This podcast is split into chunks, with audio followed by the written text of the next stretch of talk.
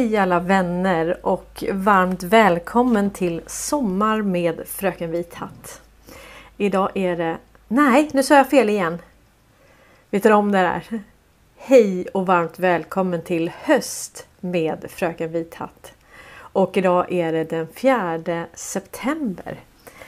Är det inte fantastiskt? Vi har sol här och eh, helt underbar höst, sensommar, höst. Eh, det är väl det att det känns lite som sommar. Det kanske är därför jag säger fel hela tiden. Ja hörni. Det är, eh, det är ett informationskrig. Det är faktiskt det. Och eh, vi har ett fullspäckat schema idag igen. Det är mycket som händer på alla fronter. Och eh, det som tyder på att det här är en stingoperation. Det är ju att vi ser hur den djupa statens system exponeras hela tiden. De åker dit helt enkelt. De åker dit hela, hela, hela tiden. I en omfattning som inte har skett tidigare faktiskt. Inte mig, eh, inte under min livstid i alla fall. Och jag är 46 år. Så att äh, det är fantastiskt. Och eh, ja, vi ska lyssna på lite olika röster idag. Jag tycker Charlie Örström han eh, förklarar det här med informationskrig och den och Q på ett väldigt, väldigt bra sätt. Och sen ska vi faktiskt få lyssna på Vi bara undrar. Och det här är deras näst sista eh, avsnitt. Eh, och det var också om planen och hur den här planen är global. Vi har alltså människor som oss som gräver på sanningen och delar det med varandra på olika sätt.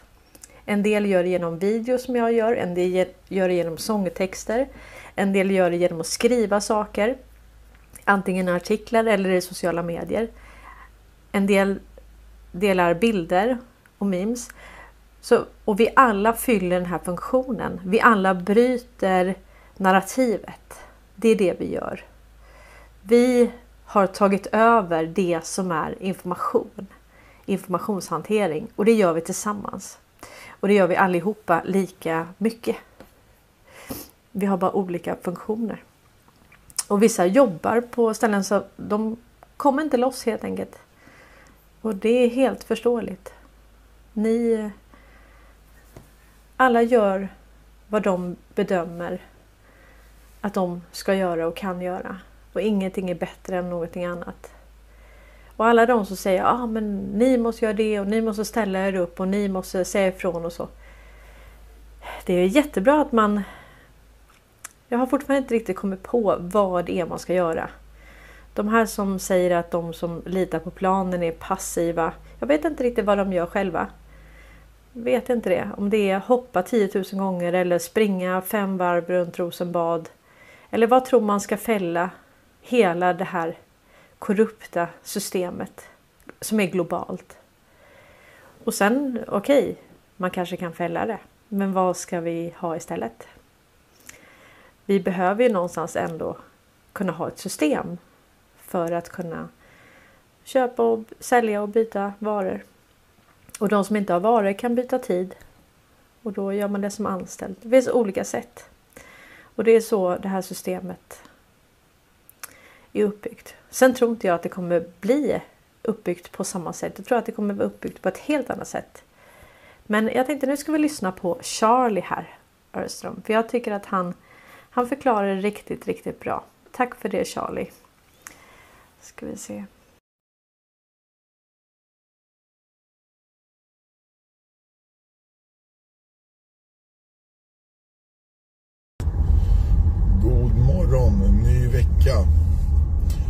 Befinner oss i ett informationskrig och det har vi gjort i några år. Det nya moderna kriget består inte av massa, ja vad ska man säga, ammunition eller vapen. Även om man kan tro det. Ehm, det är inte där den viktigaste delen utspelar sig. Om man tittar exempel på andra världskriget, då var det svårt Eh, för oss att få fram information som var korrekt. Det var svårt för oss att få veta vad som stämde eftersom att segraren skriver ju alltid historien.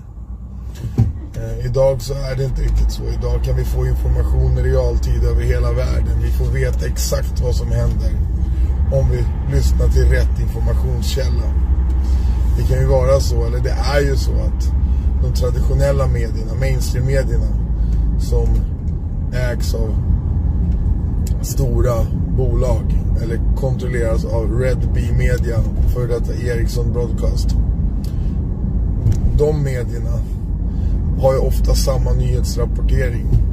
Man, har, man får en speakertext och sen säger alla mediaankare på samma sätt.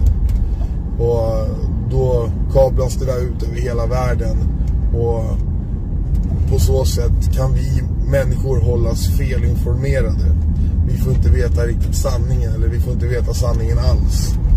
Eftersom att det är ju liksom deras bild av verkligheten och vilka är då deras? Ja, den djupa staten. Och vilka är då den djupa staten? Det är ju globalisterna. Vilka är globalisterna? Det är de som äger de stora internationella multiföretagen som kontrollerar händelseutvecklingen. Exempelvis Ericsson som, är, som har Investor som ägare som eh, kontrolleras av familjen Wallenberg. Um, och sen har du ju enskilda individer i exempelvis Ericsson som Börje Ekholm. Som sitter med i en hel del olika styrelser på uppdrag av Wallenberg och då den djupa staten.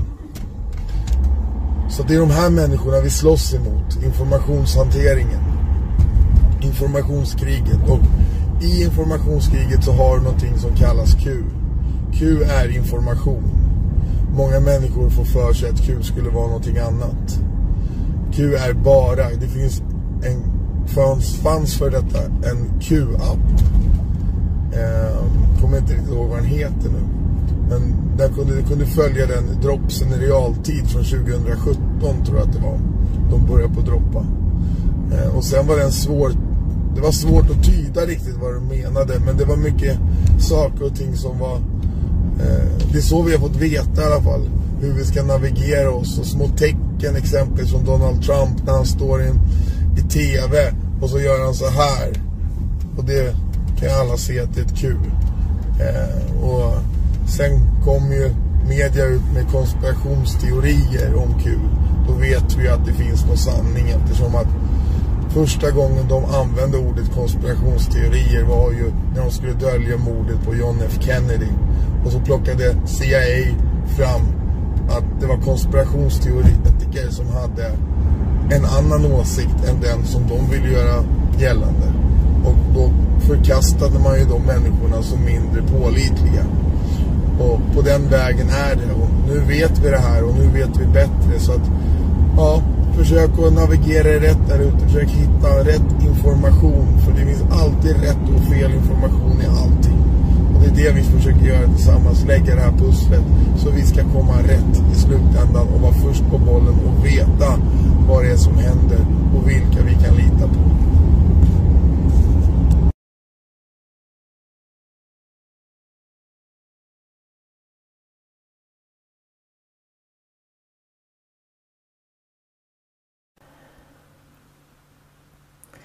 Ja,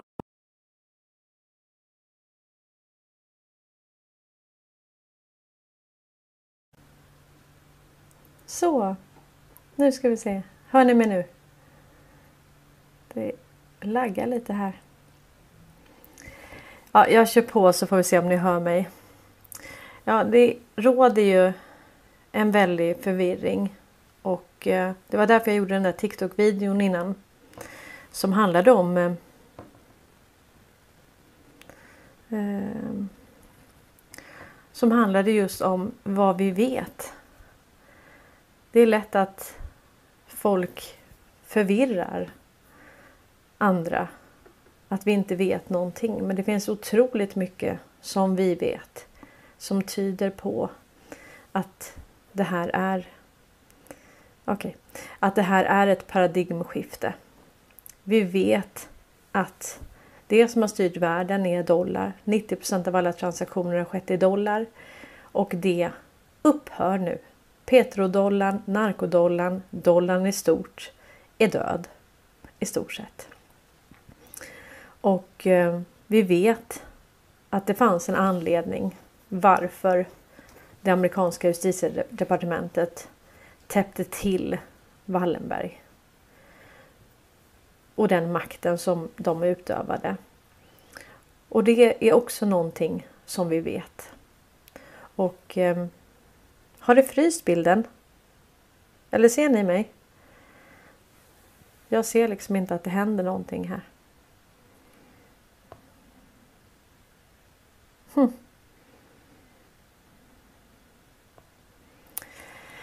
Ja, det är någonting som laggar här. Jag kör vidare. Ni kan väl skriva om ni inte hör mig eller ser mig. Och eh, Q är som sagt bara information. Det är information som är verifierbar.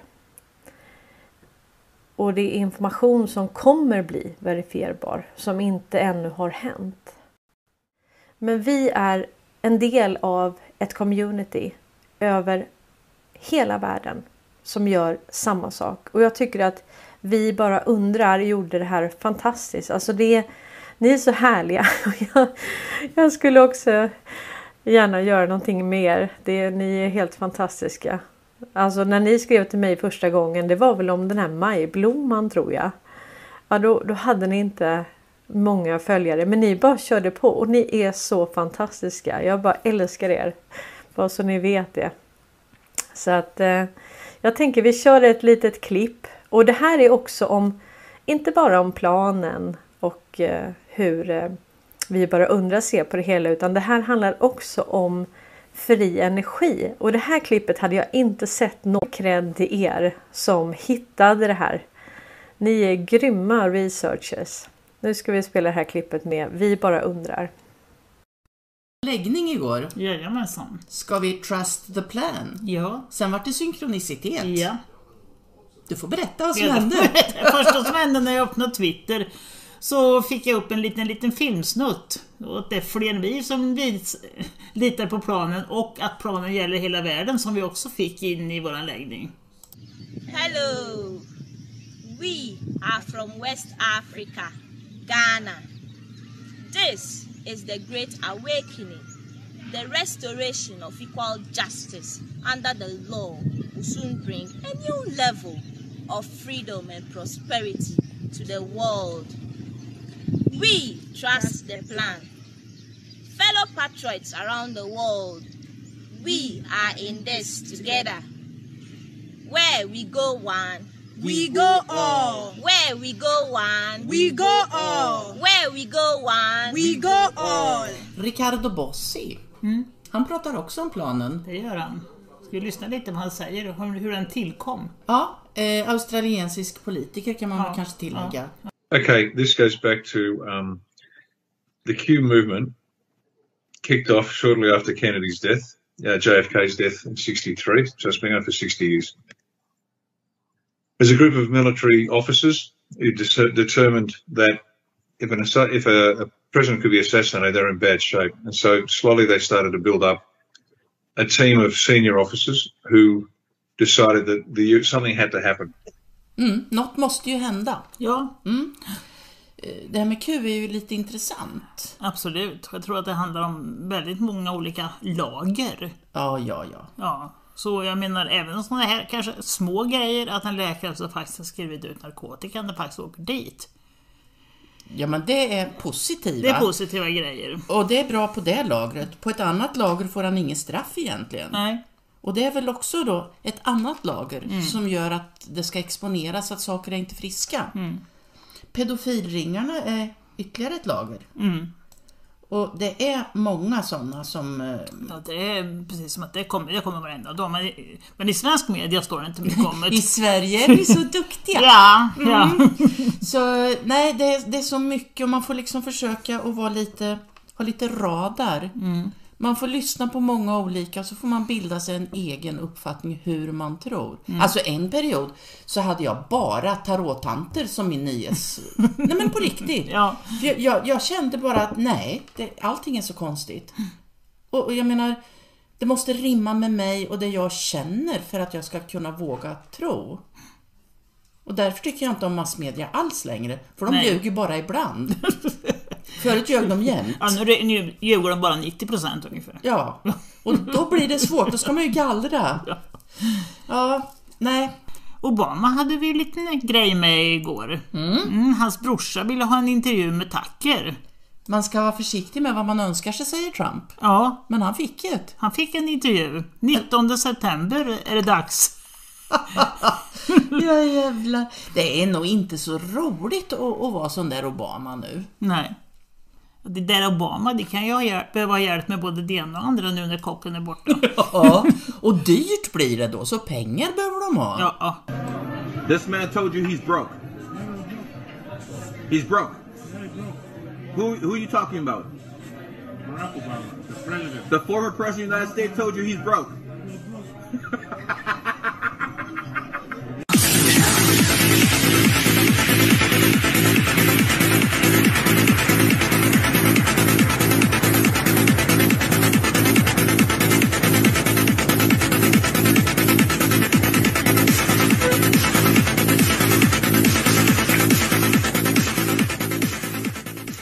Hittade en liten film till på Twitter igår. Mm, så jag tyckte det var lite... Det var inte statisk elektricitet Nej, den handlade om. det var en annan, annan typ av elektricitet. Sån där som man vill ha va? Ja, vi får se. Vi kikar. Hi, all. In Stockholm, Sweden, on the way back from Szczecin, Poland, where the International Conference of Condensed Matter is showcasing a convergence of top physicists, scientists, engineers who presented evidence supporting the viability of low energy nuclear reaction, also known as zero point energy in the many names. Now, after decades of experimentation, this revolutionary technology is nearing the threshold, transitioning from the laboratory to commercialization. Now, by utilizing specific metals, gases like hydrogen, and other materials, researchers are demonstrating how these substances can facilitate inexpensive, clean, abundant energy production. Now, this paradigm shift challenges conventional views in cosmology, astronomy, and physics, requiring modifications to the laws of thermodynamics, however they want to modify those harmonics, to incorporate the phenomenon of LNR. Now, this breakthrough, which also goes by the names of lattice confinement fusion, electron capture, lattice confinement fusion, NASA was also speaking there, electron capture, coined by Brillouin Energy, promises to unlock a new era of energy possibilities to potentially, well, will reshape our understanding of the universe and science itself. Now, I'll also report on my experiences in the coming videos to validate a theory that was put out today. That's what science wants. Give me a theory that makes it real. Presented by the world renowned Peter Hagelstein, who ran the low energy reaction department at MIT for over a decade. Now, I'm sorry I couldn't be there today as I'm rushing back to Florida, where my home is in the scope of Hurricane Idalia, and I'm hoping for the best outcome. But please watch my videos and follow this paradigm shift in energy. This is absolutely amazing for the world. We need this. Thank you. Det där är spännande. Spännande saker, spännande saker. Alltså, lite fri energi, lite ny energi, lite ren energi. Ja, rent på alla sätt. Ja, Det blir fina grejer det. Det lägger vi. Hoppas vi får uppleva det. ja. Så, eh, oj. Nu är jag inte i bild heller. Så. Ja, Jag tycker de är fantastiska och eh, vi har ju grävt tillsammans i det här communityt. Och det jag försöker göra i den här kanalen är ju att lägga fram det som vi har hittat. Och ofta lägger vi fram olika teorier. Vi vet inte allting och det är därför vi lägger fram research och från massa olika källor. Och eh, där tycker jag att eh, både Charlie och Vi bara undrar och många andra gör ett fantastiskt jobb i att eh, gräva. Och jag ser att ni skriver lite om Martin Stensö. Och jag har gjort några inlägg mest för att det är så många som undrar vad det är som har hänt. Och eh, det är inte Problemet är inte att man sitter och tänker saker. Problemet är när man om vi säger att jag berättar om Q och planen och eh, Trump och att det finns en djup stat och att det finns en koordinering mot det. Och sen helt plötsligt så gör jag en helt om och säger att det finns ingen plan. Det är där det blir problem så att säga. Och eh, det är väl inte precis så men, men Q eh, det står ju till och med på Qs hemsida vad Q är. Vi vet att Q är militär underrättelsetjänst. Och då när man som Stensö häromdagen la, la fram att det kan vara Socialdemokraterna som ligger bakom Q-posterna. Ja, det kan ju vara en teori och man kan ju ha tankar och man kan ju egentligen då kan man ju väva in vad man vill i att det bara är tankar. Då kan jag sitta och ljuga hur mycket som helst och sprida vad jag vill och bara säga att det var mina tankar. Alltså någonstans är det så här att vi, vi begär ju att mainstream media och alternativmedia som Martin då tillhör. Att vi ska försöka spegla verkligheten och att vi ska ha en problemformulering som också speglar verkligheten. Och det finns ingen som sitter inne på alla svar. Det här är som sagt en, en hemlig stingoperation. Men det är väl klart att alltså det finns inga stingoperationer som inte är hemliga. Så ja, det är en militär stingoperation. Och eh, man får jättegärna betvivla det, men det blir ju väldigt konstigt om man har gjort en massa videos i en, enligt en linje och, och helt plötsligt så, så vet man ingenting och man förvirrar mest. Ehm, och det är bara jättetråkigt. Han har blockat mig nu och, ehm, eh, och det var droppen var när jag gjorde intervju med knapptryckarna. Då tyckte han att jag var en förrädare. Och att jag hade fått något direktiv från någon annan att göra det. Ehm, jag tycker mer så här att det finns ju väldigt många som följer alternativrörelsen och som följer mig och som följer mainstream media. Och det, ja, de som följer knapptryckarna och de som följer alternativmedia, det är ju bara sanningssökare.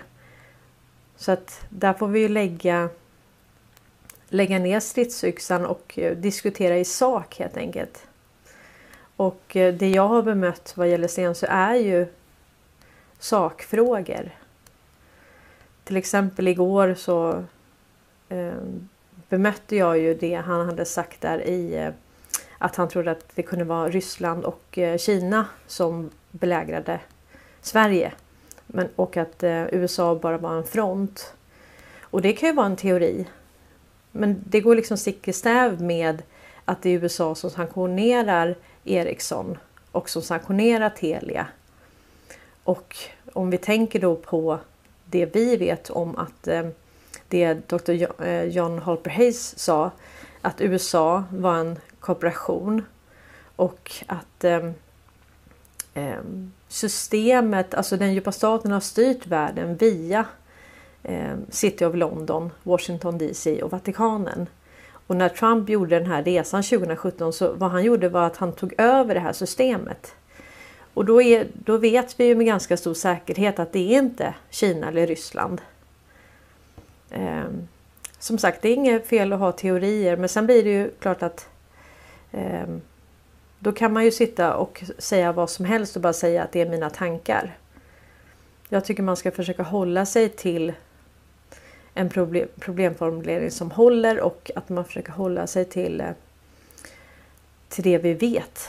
Det är ungefär som att börja tvivla på helt uppenbara saker som vi vet. Vi vet ju faktiskt vissa saker. Alltså, det kan ju slå slint också om man börjar ifrågasätta sitt eget kön. Och, alltså, mm, man kan vilja byta kön men man måste ju ändå veta vilket kön man har till exempel. Eller att man bor i ett hus, alltså att man sitter på en stol. Jag kanske inte sitter på en stol. Alltså det kan ju det kan vara en tanke och tanken är fri. Och, och det kan vara befriande men, men det kan också... Eh, jag vet inte hur... Eh, det kan bli kontraproduktivt i alla fall. Så nu har vi bemött det. Jag hoppas att det ordnar sig. Jag tycker att Martin Stensö är fantastiskt. Eh, de sista veckorna när han har suttit och hånat mig och hånat Karl Norberg och eh, haft teorier om att Karl Norberg eh, kanske hänger ihop med Jan Schelin och det, det, där är, det där är nonsens. Och det handlar ju om att egentligen väcka misstro mot Karl Norberg och mot mig. Eh, så det, det, är det som jag tycker att eh, det tycker jag är väldigt kontraproduktivt. Och i och med att eh, inga utav de som följer oss ska ju hamna i kläm. Jag menar, ni följer mig och jag följer er. Jag delar era grejer, vi följer varandra. Och så länge vi känner att, att ja, men det vi delar är någonting som jag ställer upp på. Och det är klart att man kan bara ha 5000 vänner. Så att har jag vänner, eller vänner, sådana som jag inte känner, alltså Facebook-vänner till exempel. Som hela tiden eh, skriver inlägg mot mig och eh, liksom gillar kommentarer, till och med från troll som är rena hatkommentarer. Då behöver jag inte ha dem som vän så att säga utan de kan ju, jag har en publik profil, de kan jättegärna följa mig. Men jag behöver inte ha vänner som aktivt motarbeta mig så att säga. Och de vänner som jag har, alltså vi är en kärna och många utav er är här nu. Vi har ju, vi har ju kämpat tillsammans, vi är digitala krigare och vi har, eh, vi har verkligen kämpat tillsammans. Framförallt under pandemin. Då var det väldigt tufft och det var väldigt många av oss som vi fick verkligen stå rakryggade i våran sanning och det var tufft. Och det är den sanningen som vi bedömer. Vi bedömer att det här var sant. Att det här är en pandemi. Det är det våran research har visat. Och vi, många av oss valde att inte ta den här sprutan. Och det är vårt val. Det bygger på våran... Eh, vi kan ha fel. Men vi gjorde ändå ett val. Och för det valet så blev vi hånade och bespottade. Allihopa. Och där har vi enats i det. Nu har vi nästan glömt bort det här. Så att vi har börjat liksom prata om andra saker och det är jättebra. Vi måste verkligen gå vidare från den lyktstolpen. Men vi får inte glömma att det kan blåsa igen och de enda vi har det är varandra. Vi har varandra och som de här från Ghana. Helt fantastiskt. Vi är, vi är patrioter över hela, hela världen. Och vi står tillsammans i det här. Och det jag presenterar här det bygger på eh, Q och sen den research som vi har gjort tillsammans under de här åren. Det kan absolut ha kommit in desinformation. 100% det kan det absolut ha gjort. Men det här är min fulla, övertygelse. Och problemet skulle bli att om jag imorgon sitter och säger att jag tror inte på någonting i det här och, och sitter och hånar de som tror på att det här är en stingoperation. Då tror jag många av er skulle börja undra liksom, vad har hänt? Har Cornelia blivit hotad? Har hon blivit, alltså, vad är det som har hänt med henne? Och det är helt befogat. Och det är precis så jag känner när det gäller Stensö. Att jag vet faktiskt inte vad som har hänt. Och jag saknar honom verkligen som vän. Och ehm, ja. Så nu släpper vi det. Det är väldigt många av er som har skrivit till mig, är ledsna och har frågat. Och eh, Vi vill alla såklart att alla bara ska vara sams. Jag har försökt verkligen. Det är inte jag som har brutit kontakten. Och eh, det blir eh, som igår så livesände jag halv åtta och han Martin Stelso livesände halv fem tror jag det var. Och våra budskap var helt, helt tvärt emot varandra. Eh, och det om Stensö har bevis för att det är Socialdemokraterna som har skrivit Q-posterna då, alltså vi måste ha en problemformulering i sak. Då, vill jag, då är jag helt beredd att titta på det. Jag kan titta på de bevisen och jag kan ändra uppfattning att det inte är eh, militär underrättelsetjänst. Även om Q själv har sagt att det är det. Och att det här är skrivet med kvantatorer. Är det så att det är sossarna som har suttit och skrivit de här posterna, 5000 poster, ni kan hitta dem på qalerts.app då är det så. Och då kommer det visa sig om det är så. Men än så länge så har jag inte sett några bevis för att det skulle vara så. Däremot har jag sett väldigt många bevis för att det inte skulle vara så.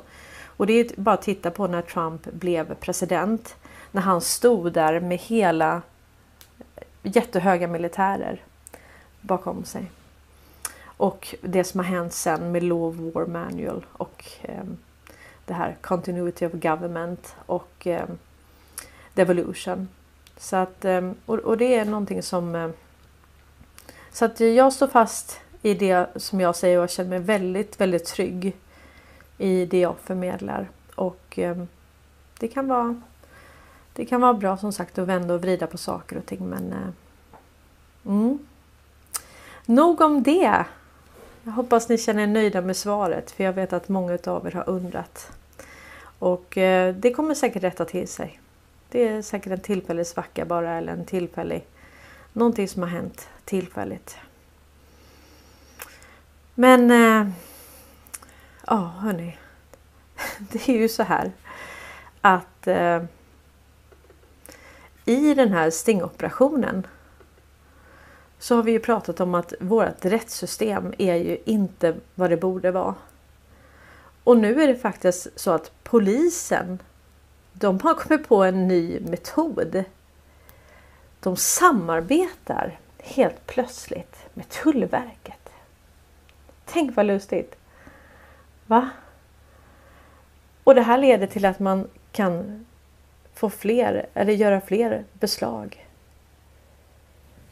Alltså det, ibland undrar man om eh, alltså de här myndigheterna var, de var ju inte ens till för att kunna göra beslag. De var inte till för att kunna eh, utan man ville att det skulle flöda. Det tror jag. Jag tror att man ville att det skulle flöda droger och eh, knark och jag tror att det har faciliterats av eh, både underrättelsetjänster, tull och polis. Vi hade ju den här whistleblowern, eh, polisen, som sa då att eh, det är polisen som har klerat det här att det, att det säljs på gatorna. Och det är självklart, du kan ju inte gå ut, du kan inte frakta ton och inte bli påkommen när allting är digitalt och övervakat. Det, det kan man ju inte tro, det, det verkar naivt alltså. Att du skulle kunna komma undan med det. Och ingen hittar det och det liksom sker hela, hela tiden systematiskt år ut år in.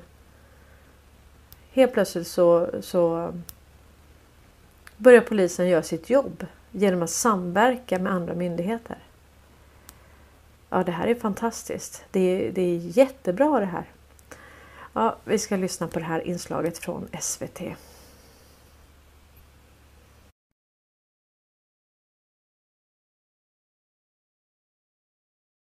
Vi tittar på vissa specifika länder, vi tittar på vissa specifika avsändare, mottagare, vi tittar på eh, hur, hur varor är deklarerade. Det är, det är liksom en uppsjö olika parametrar. Och så beroende på vad vi letar efter, om vi tänker att eh, vi letar efter narkotika eller vapen eller eh, vad det nu är. Så att, eh, men, men eh, man vill inte bjuda på den informationen till de som sitter och beställer grejer. Att oh, nu ska jag göra så här. Ja, för det kommer också från Spanien. Eh, tullens beslag är ju en barometer för vad som finns inne i landet. Vad som kommer att dyka upp. Tullen kanske ibland är först med ett beslag. Det har inte synts i, bland polisens beslag ännu men, men, eh, men det kan vara början på någonting. Så samverkan med polis är jätteviktigt så att vi kan lägga ihop våra eh, enskilda pusselbitar så får vi hela pusslet.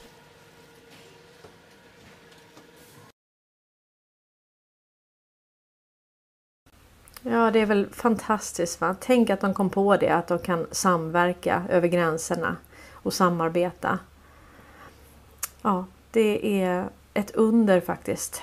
Och eh, nu har eh, försvarsministern, han tycker att man ska ge ÖB en känga. alltså det här är det här är också skrattresan. Det här är alltså att eh, inte ens i fredstid lyckas Försvarsmakten förse sina soldater med käng, eh, kläder och kängor. Hur ska det då bli om det blir krig? Det, det här är lustigt va? för att det finns ju inte pengar till någonting helt plötsligt. Det finns inte pengar för pensionerna som vi gick igenom igår. Det finns inte pengar till försvaret. De kan inte ens ha skor på fötterna. Då får de göra som eh, ryssarna då. Springa runt i flipflop och, och vad det nu var. Svensk media skrev att de gjorde. Och bygga om sina vapen av eh, eh svenska kylskåp och, och, och fartkameror och allt vad det var. Ja, det är, det är så galet. Uh, och sen har vi nu uh, Urban Medin skriver här att uh, Svenska liberala partiet förespråkar permanent utplacering av NATO-baser i landet efter att kungariket gått med i alliansen. Och det här är också någonting att eh, vi har ju inte gått med i NATO. Jag vet att Stensson sa igår att vi hade gått med i NATO, men det har vi faktiskt inte. Vi har ju inte blivit godkända. Och NATO i nuvarande form och tappning kommer falla. Det här kommer faktiskt från flera håll nu. Det är inte bara Karl Norberg som säger det som har sagt det, utan det här är. Vi ställer ju helt andra krav nu på våran omvärld. Och Nato är det tillhör det som går i graven. Alla de här överstatliga organisationerna kommer göras om, om de ens ska finnas kvar. Vad ska vi med dem till? Vad ska vi med Nato, EU och allt det här till? När varje land ska sköta sig själv. Vi går mot en multipolär värld. Där varje land är suveränt. Och sen kan man samarbeta över gränserna. Det går jättebra. Men man kommer inte kunna åka ner och, och beröva andra länder deras naturresurser. Det finns inte. Och det här vet afrikanerna om. Och det är, det, de, det är därför de pushar så hårt nu. För att frigöra sig. Eh. Persson talade också om att bibehålla närvaron av NATO-styrkor på landets territorium i fredstid. Och motiverade sina ord med faktum att friheten måste skyddas. Ja, och det här är, man måste ju på något vis visa varför vi har så mycket militär verksamhet i Sverige. Alltså amerikansk militär verksamhet i Sverige. Och ehm, mm, det är, de är här för att... Ehm, och det här, hörni, det här blev jag så himla glad när jag såg nu. Och det är ju Lundin. Eh, jag gör så här. Nu åtalas de här för krigsbrott. Alltså som vi har väntat. Och det är ju flera, två i familjen som har dött. Både mamman, vad heter hon då? Och så var det hans bror va. Så att, eh, och de visste ju vad som väntade helt enkelt. Oj. Nu ringde Marit. Är det att jag inte hörs? Nej. Eh, nu ska vi se. Det här med Lundin alltså.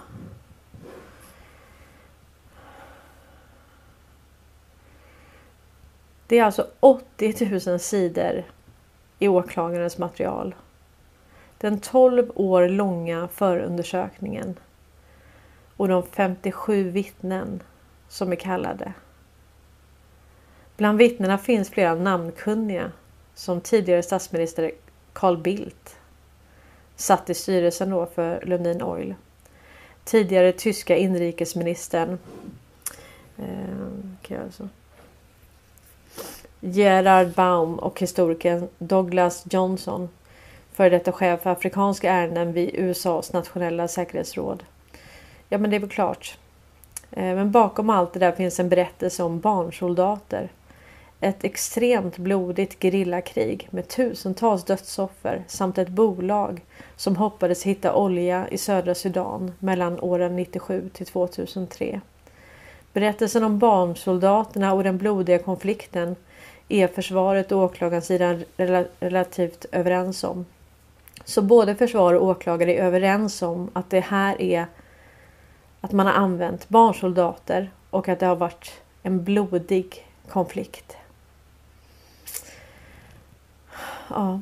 Vi menar att utredningen visar att militären sköt civila från stridshelikoptrar.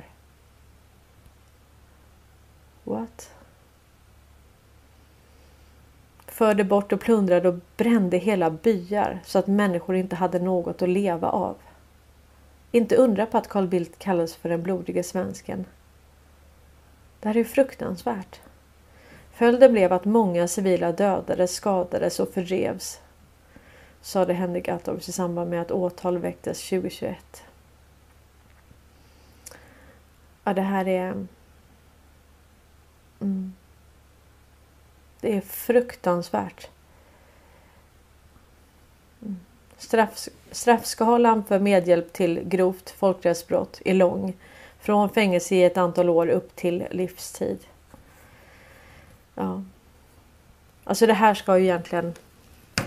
Det här ska ju gå via militärdomstolar. Alltså vi har ju inget brott. Alltså det, det finns ju ingen ursäkt för sådana här människor. Sådana här människor vill vi inte ha. I det nya samhälle som vi bygger tillsammans nu. Usch alltså. Fruktansvärt. Eh, jag gjorde ett, eh, ett avsnitt om, eh, om det där. Om Lundin. Ni kan söka på, jag minns inte vilket, vilket det var nu men det, det är ett bra avsnitt att titta på Lundin vad de har gjort då. och sen deras kopplingar till, till Wallenberg. Och eh, nu skriver Dagens Industri här den 1 september att Ericsson är överlägset duktigast av alla svenska företagen. Konstigt. Konstigt med det informationsövertaget. Eller? Om man sitter på all information. Är det konstigt då att man är duktigast? Eller till och med överlägset duktigast? Det här är ju bara patetiskt. De svenska industriföretagen är snabba på att ta till sig ny teknik, inklusive AI. Det säger Pontus de Laval, ny ordförande för Wallenbergarnas mångmiljardsatsning på artificiell intelligens. WASP. Han, men han ser samtidigt att bolagen behöver satsa mycket pengar på denna te teknikutveckling för att ha chans i konkurrensen med USA och Kina. Ja. Det lär de ju göra i och med att man har tagit bort deras informationsfördel. Man har täppt till den här lilla råttan som satt och lyssnade på allting. Det har man täppt till. Och sen hittade jag ett sånt fantastiskt eh, inlägg här av... Eh, vad gjorde jag av det då? Eh, det var Madeleine som hade skrivit. Ja, jag får hitta det. Madeleine har skrivit ett fantastiskt inlägg om, eh, om eh, här. Det här tycker jag var jättefint skrivet av Madeleine Ros och det här är från eh, hon skrev det här 8 december 2021. Och då står det familjen Wallenberg är Sveriges mäktigaste finansfamilj. De kontrollerar ensamt 40% av den svenska börsen till ett värde av 1800 miljarder kronor. Ja, nu är det ju väldigt mycket mer och det var ju det som framkom i eh, Wikipedia. Att eh, det var väl 5000 miljarder de kontrollerade, något sånt. Wallenbergs imperium grundades av biskopssonen André Oskar Wallenberg som bildade Stockholms enskilda bank i mitten av 1800-talet. Makten och rikedomarna har förts vidare i finansdynasti av enbart män. Döttrarna har hållits utanför. Wallenbergsläktens ålderman är idag Peter Pirre Wallenberg, son till Marcus Dodde Wallenberg, som bor på eh, och bror till Mark Boyboy Wallenberg. Boyboys har två söner, Marcus Husky och Axel Wawa och har suttit i styrelser för bland annat Investor, SEB och Saab. Och det är det som är med den här familjen. Alla de här har nicknames. Alla har små sådana. Husky är gift med Fanny Sachs. Från, de, från den förr så mäktiga finansfamiljen Sachs, grundare av bland annat Nordiska kompaniet. Husky är också kusin med bröderna Ian och Lukas Lundin från ökända Lundin Petroleum. Fanny Sachs två döttrar har i sin tur gift sig in i den mäktiga Bonnierfamiljen respektive den i något mindre mäktiga Dinkelspiel-familjen. Det gäller att ha rätt kontakter för en kapitalist. Pirres son Peter Poker Wallenberg junior är mest intresserad av racing men han har också lett eh, Grand Hotel. Pirres andra son Jacob Wallenberg styr i finansbolaget Investor men sitter även, även i US amerikanska Coca-Cola Companys styrelse. äger eller kontrollerar Investor AstraZeneca, ABB, Ericsson, Atlas Copco, SCB, SKF, Electrolux, Stora Enso, Husqvarna, Saab, Swedish Orphan Bio, eh, Biovitrum, Saab, Nasdaq, OMX, Wärtsilä, Foundation Asset Management, Bergvik Skog, Boston Power, Asia, Capital Reinsurance Group, ja precis en återförsäkringsgrupp och delar av riskkapital, kap, eh, riskkapitalbolaget EQT som äger delar av ISS, Scandic Hotels med mera. Alltså det här är fantastiskt. Det här är verkligen research. Det här är att leda en problemformulering i sak. Det här är ett problem. Det är ett problem för oss att vi har så här en så mäktig finansfamilj som inte har dragit sig för någonting.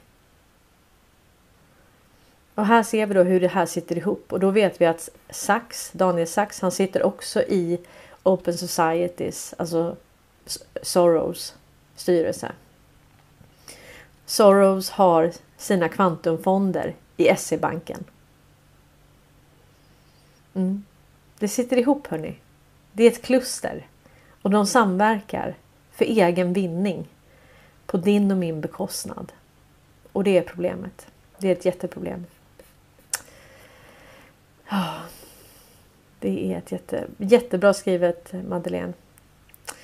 Ehm, och nu säger då Soros, han säger att han ska unleash hell över Trump eh, 2024 i valet då. Och han sa ju det att eh, det var ju George Soros som sa att eh, Trump han är bara ett tillfälligt fenomen som kommer försvinna under 2020. Mm. Nu verkar det som att det inte riktigt blev så. Trump har ju inte riktigt försvunnit då. Och det kanske är det som han eh, eh stör sig på då. Nu ska vi se.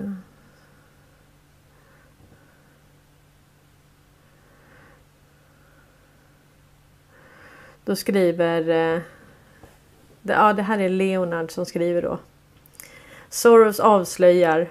Planerna släpper loss helvetet på Trump i valet 2024. Färgrevolutionen får grönt ljus i Amerika. George Soros son Alex Soros skrev precis i Politico att Open Societies Foundation kommer att flytta sitt fokus till att besegra Trump 2024, sa Kirk. Han säger att en magaliknande, alltså Make America Great Again, republikansk seger i slutändan kan bli värre för EU än för USA och att undergräva de framsteg som nåtts på många fronter och som svar på kriget i Ukraina. Trump har lovat att stoppa dödandet och avsluta kriget. Jag antar att fred i Östeuropa för den globalistiska publiken är ett dåligt framsteg. Mm. ja, vi får väl se hur det blir med det. Eh, ja, den här är ganska lång, men den är rätt intressant. Då står det också den ukrainska grenen av Soros Foundation, känd som International Renaissance Foundation, IRF, har varit närvarande i Ukraina sedan 1989. IRF tilldelade över 100 miljoner dollar till ukrainska icke-statliga organisationer ungefär två år före Sovjetunionens kollaps, vilket ledde till grunden för Ukrainas självständighet från Ryssland 1991.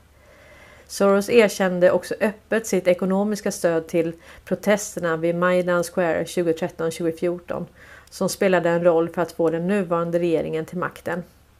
Soros stiftelse var djupt engagerade i den orangea revolutionen 2004 vilket, vilket ledde till att Viktor Jutjenko som utsågs till pro-NATO, även om han stod inför korruptionsanklagelser, övertog presidentskapet. Ja, det här är ju... Det här är ju fronten. Alltså du måste ha någon, om du ska verka utan att synas så måste du ha någon som kan fronta det här. Och det har ju ja, Soros gjort med bravur. Och det var väl också han som kraschade kronan när den flöt. Så att eh, han har ställt till med väldigt mycket lidande. Men som sagt, lidande är ju ingenting som de här människorna eller människorna eller vad de nu är. Eh, ondskefulla är de i alla fall. De bryr sig inte om mänskligt lidande. Utan de har helt andra helt annan syn på eh, på det här. Och nu går man ut och säger att Riksbanken är helt inkompetent. Ja, det är en professor som säger det. Och han är inte bara professor. Nej, det räcker ju inte. Eh, han, han, är senior professor också. Det är ju... Det räcker inte. Alltså nu måste vi verkligen eh, lägga till här. Eh, och då menar han att Riksbanken saknar kunskaper och har misslyckats med sin huvudsakliga uppgift att hålla inflationen nere och kronans värde uppe. Men är det verkligen Riksbankens roll? Har Riksbanken jobbat för folket en enda gång? Alltså Riksbanken har ju ingenting med vårt betalningsmedel att göra. Så om inflationen rusar, det vill säga inflöde av kapital. Då är det för att man har tryckt så mycket pengar. Och det är inte Riksbanken ytterst som gör det. Jo, delvis. Men den stora delen är ju de privata bankerna. Så att vad är deras mål? De är ju privata och vinstmaximerande. Så deras mål är absolut inte att att hålla eh, ja, vad står det här? Att hålla kronans värde uppe. Mm. Eh, Bo Rothstein är inte imponerad över vad Riksbanken åstadkommit penningpolitiskt, särskilt när det gäller att bekämpa inflationen. Men även när det kommer till att slå vakt om den svenska valutan. Han pekar på att sju av EUs medlemsländer har mindre än hälften så hög inflation som Sverige. Bland andra länder som Spanien, Danmark, Belgien och Grekland. Mest graverande ändå det dramatiska kronfallet. Det mest ögonfallande misslyckandet när det gäller emellertid kronans värde i förhållande till andra valutor. När Riksbanken fick sin självständighet 1999 kostade en euro omkring 8,90. När detta skrivs kostar samma euro cirka 11,90, en försvagning av kronan med drygt 33 procent. Eftersom att Sverige är ett land som importerar mycket från euroländerna innebär det här ett starkt bidrag till den höga inflationen. Ja, eller prishöjningen. Det är det de, de blandar ju ihop begreppen här. Men det här är ju nu opinionsbildning. Det syftar ju till att vi ska förstå att vi ska börja ifrågasätta hela systemet. Det, det är vad det här syftar till. Och det gör vi här vi ifrågasätter hur de har hanterat eh, Ja, det gör vi inte. Alltså vi vet att de har lurat oss med hela systemet och det är det vi exponerar. Det är väl så vi får säga. Eh, ja, nu skriver ni massa saker här i tråden. Det är bra. Och eh, Magda, hon säger nu att eh, hon eh, identifierar sig som patriot. Eh, en globalist som är gift med eh, Friberg, vad heter han? Som har, innehar Wallenbergs professur på Handelshögskolan. Och som alltid diskuterar det här har hon sagt med sin man. Vad heter han? Friberg? Det är någon som trollar i tråden. Det gör inget. Ja, Rickard Friberg. Tack eh, New and Old Tech. Tack. Eh, Rickard Friberg. Så det är ju då. Nu säger hon här att hon identifierar sig som patriot typ. I det här så säger hon bara att hon är stolt över Sverige. Men det kanske är samma sak. Eh, men vi lyssnar på Rickard Friberg. Bra Johanna.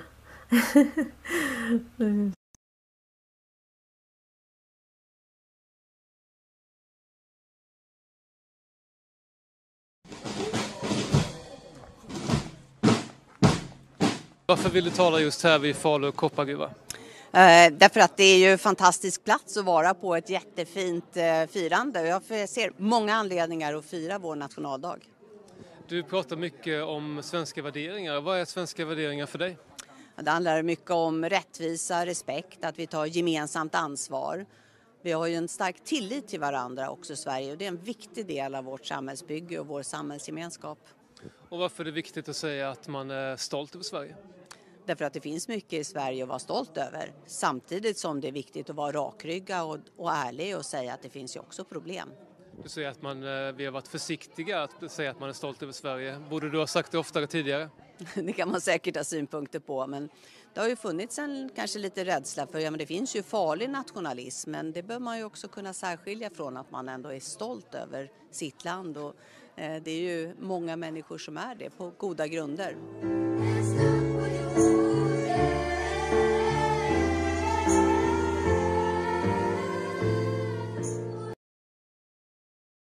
Mm. Ja. Vi får väl se hur mycket patriot hon är när... Eh, ja. När folk förstår hur hon har sålt ut Sverige. Och hur hon har varit en nyttig idiot åt Wallenbergsfären. Vilket är Sveriges inofficiella makthavare. Eller snart är de väldigt officiella för det, det är ju så ihop, ihopablandat med de här företagsintressena och den svenska staten. Ja, det är spännande. Ni skriver för fullt i tråden och eh, ja, Rikshaggan säger Tinnis. Ja, det är hon har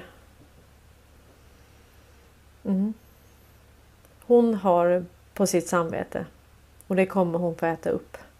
Och sen kan hon stå och låtsas att hon bryr sig om Sverige. När alla de här politikerna har varit med på att sälja ut Sverige och svenska folket. Det kommer inte... De kommer inte kunna gå ner för gatan helt enkelt. Så är det. Ja, jag hade jättemycket jag skulle ta upp om, eh, om barnen. Jag tänker att jag, eh, jag får ta upp det imorgon. Men eh, Sverige ska i alla fall få en ny eh, angeri, angiverilag. Eh, tycker SD. Och eh, det var väl lite det vi såg under pandemin faktiskt. Det här med att ange varandra. Det, de ville ju veta var vi bodde och allt det här va. Så att de kunde åka och tvångsvaccinera oss. Men... Eh, mm. Nu ska vi se.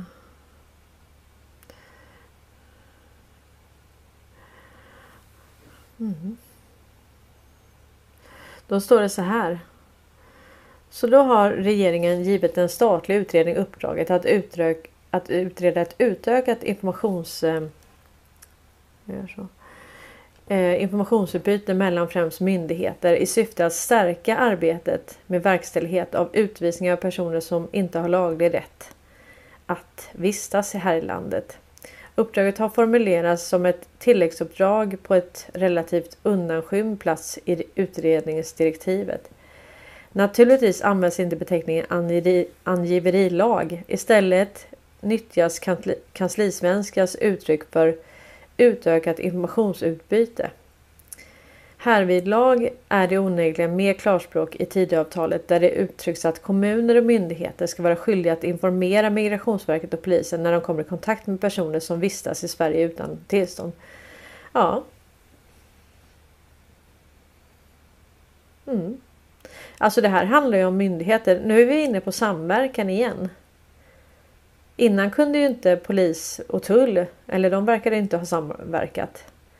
Så om vi säger att du har... Eh, ja. Om kommunerna och myndigheterna inte meddelar utan istället typ ordnar bostad till de som är här illegalt. Det är inte bra. Eh, så att det, här är, det här är riktat för att vi ska tänka att det här är negativt. Och det kanske är negativt. Det kanske också inte är negativt. Jag vet inte. Eh, oavsett språkdräkt tycker jag att en spade bör kallas för en spade. Men är det verkligen angiveri? Om vi säger att vi har en stat med olika instanser och vi har någon som är här illegalt. Ska man inte få säga det då? Är det angiveri? Angiveri, det anser jag om jag eh, går in och tjallar på min granne liksom. Då är det en sak. Men att myndighetspersoner. Det är ungefär som att du inte ska meddela polisen om du ser något kriminellt. Eller om du ser ett barn som far illa. Du säger ingenting om det. Det är väl inte angiveri? Eller?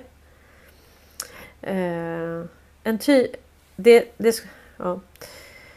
Den tänkta lagstiftningen syftar till att enskilda medarbetare, inte kommunen eller myndigheten som juridisk person, ska meddela Migrationsverket och eller Polismyndigheten när man kommit i kontakt direkt eller indirekt med personer som inte har laglig rätt att vistas här i landet. Det skulle innebära att vi får en angiverilag och inget annat. En given och tydlig utgångspunkt för den starka lagstiftningen är att effektivisera arbetet med att motverka olovlig vistelse i vårt land. Men det tycker jag är bra. Vi kan väl inte ha massa folk här som vi inte ens vet vilka de är. De kanske är här bara för att begå brott. Till exempel. De myndigheter som har uppdraget att verkställa utvisningsbeslut behöver uppenbarligen understöd i sitt arbete. Så långt förefaller motivbilden klar och begriplig. Det tänkta informationsutbytet måste emellertid, som jag noterat ovan, utföras av enskilda medarbetare hos de juridiska personer som skulle omfattas av lagen.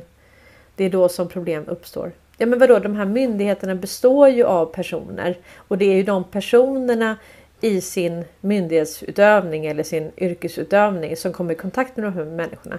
Då är det ju ganska naturligt att det är de också som meddelar polis och migrationsverk. Ja, jag tycker inte det här är så negativt. Vad tycker ni? Inte när det gäller liksom myndigheter som... Alltså det är ungefär som man inte från myndigheternas sida skulle man säga om man ja, ser någon fara illa eller begå ett brott eller... Nej. Det här är... Och så ropar e-, etablissemanget då. För de vill ju ha illegala invandrare som kan både rösta och få bankkonton.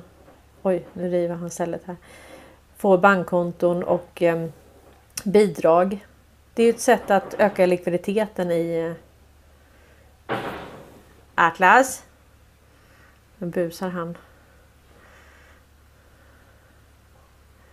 Eh, Victoria Gärde skriver om man bevittnar ett brott så ska man anmäla. Ja men det är väl självklart. Eh, det är väl självklart. Alltså det tycker ju inte de som vill ha kvar det här. De tycker inte att det är självklart. De tycker absolut inte att man utan de tycker helst att kommunen ska ordna eh, liksom husrum till dem och istället för att liksom nej men får du vara här så får du hjälp.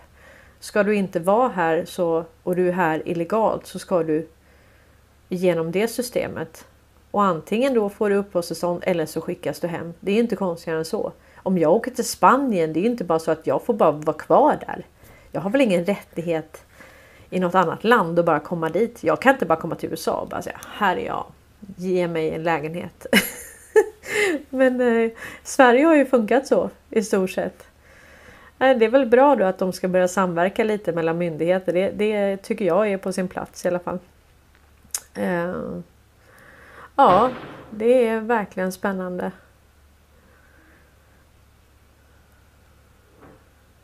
Jag tror jag har gått igenom det mesta och eh, klockan är 13.08. Ja, ni får ha fantastiskt. Jag hittade faktiskt en, eh, en hiphop-låt. Jag tror att det var Deep State som delade den. Eh, och det här är, den här är inte ny, alltså jag vet inte när den är ifrån. Men det är så här liten...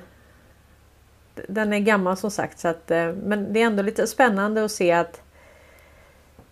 Kommer ni ihåg det? Innan så var det typ... Eh, men det, vet, det var typ vänstern alltså, som skrev texter, låttexter om eh, eh, ja, men lite det jag pratade om med Bejerstrand. Liksom, att då, då var de de som verkligen skrev om orättvisorna och eh, oegentligheterna i världen. Och, och nu har de tystnat. Så nu är det liksom lite, lite hiphoppare. Unga som lever kanske lite i utanförskap eller så. Nu är det de som har tagit taktpinnen. Ja, och nu har ju alla vi kommit. Men jag menar mellan där. Mellan från att det var liksom sex eller vänster till, till att det blev... För det här måste kanske varit tio år sedan, jag vet inte. Och sen Charlie Örström spelar ju han Ken Ring. Eh, och han skriver ju mycket texter också om det här och han eh, han växte jag upp med faktiskt, han och hans syster Diana Ring. Så att jag kände hans mamma Rebecca också som han har gjort en låt om. Och eh, hans pappa. Vi umgicks jättemycket när jag växte upp. Så att eh, det är fantastiskt. Jag kanske spelar någon låt av Ken Ring framöver.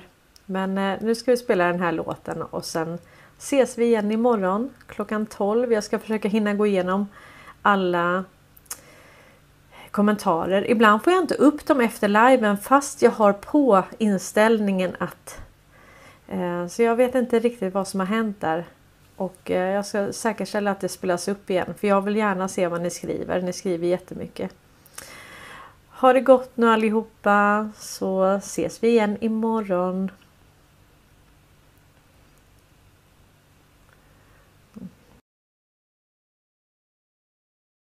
De Kasta ner oss, låsa in oss i burarna. Vi startar revolution, explosion, spränger murarna vem sköt Palme? Ugglan i skugga vet Satelliter i himlen, de buggar din lägenhet. Onda makter av pakter, de träffas i hemlighet. Planerar något ruttet och skevt Storebror vill att vi ska gå på bluffen helt. Och blunda men vi ser hur de rika blir rikare och de hungriga blir fler. De tog guld och gröna skogar, lämnar höghusen kvar. Våra områden flödar av droger och frågor utan svar.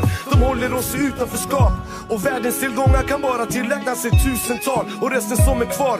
Vi får kriga för smulorna. Bofors sponsrade kulorna som sköt fredsduvorna Fråga Carl Bildt, Reinfeldt, resten av frilurarna. Sverige styrs av de där giriga tjuvarna. De vill tysta ner oss, låsa in oss i burarna. Vi startar revolution, explosion, spränger murarna.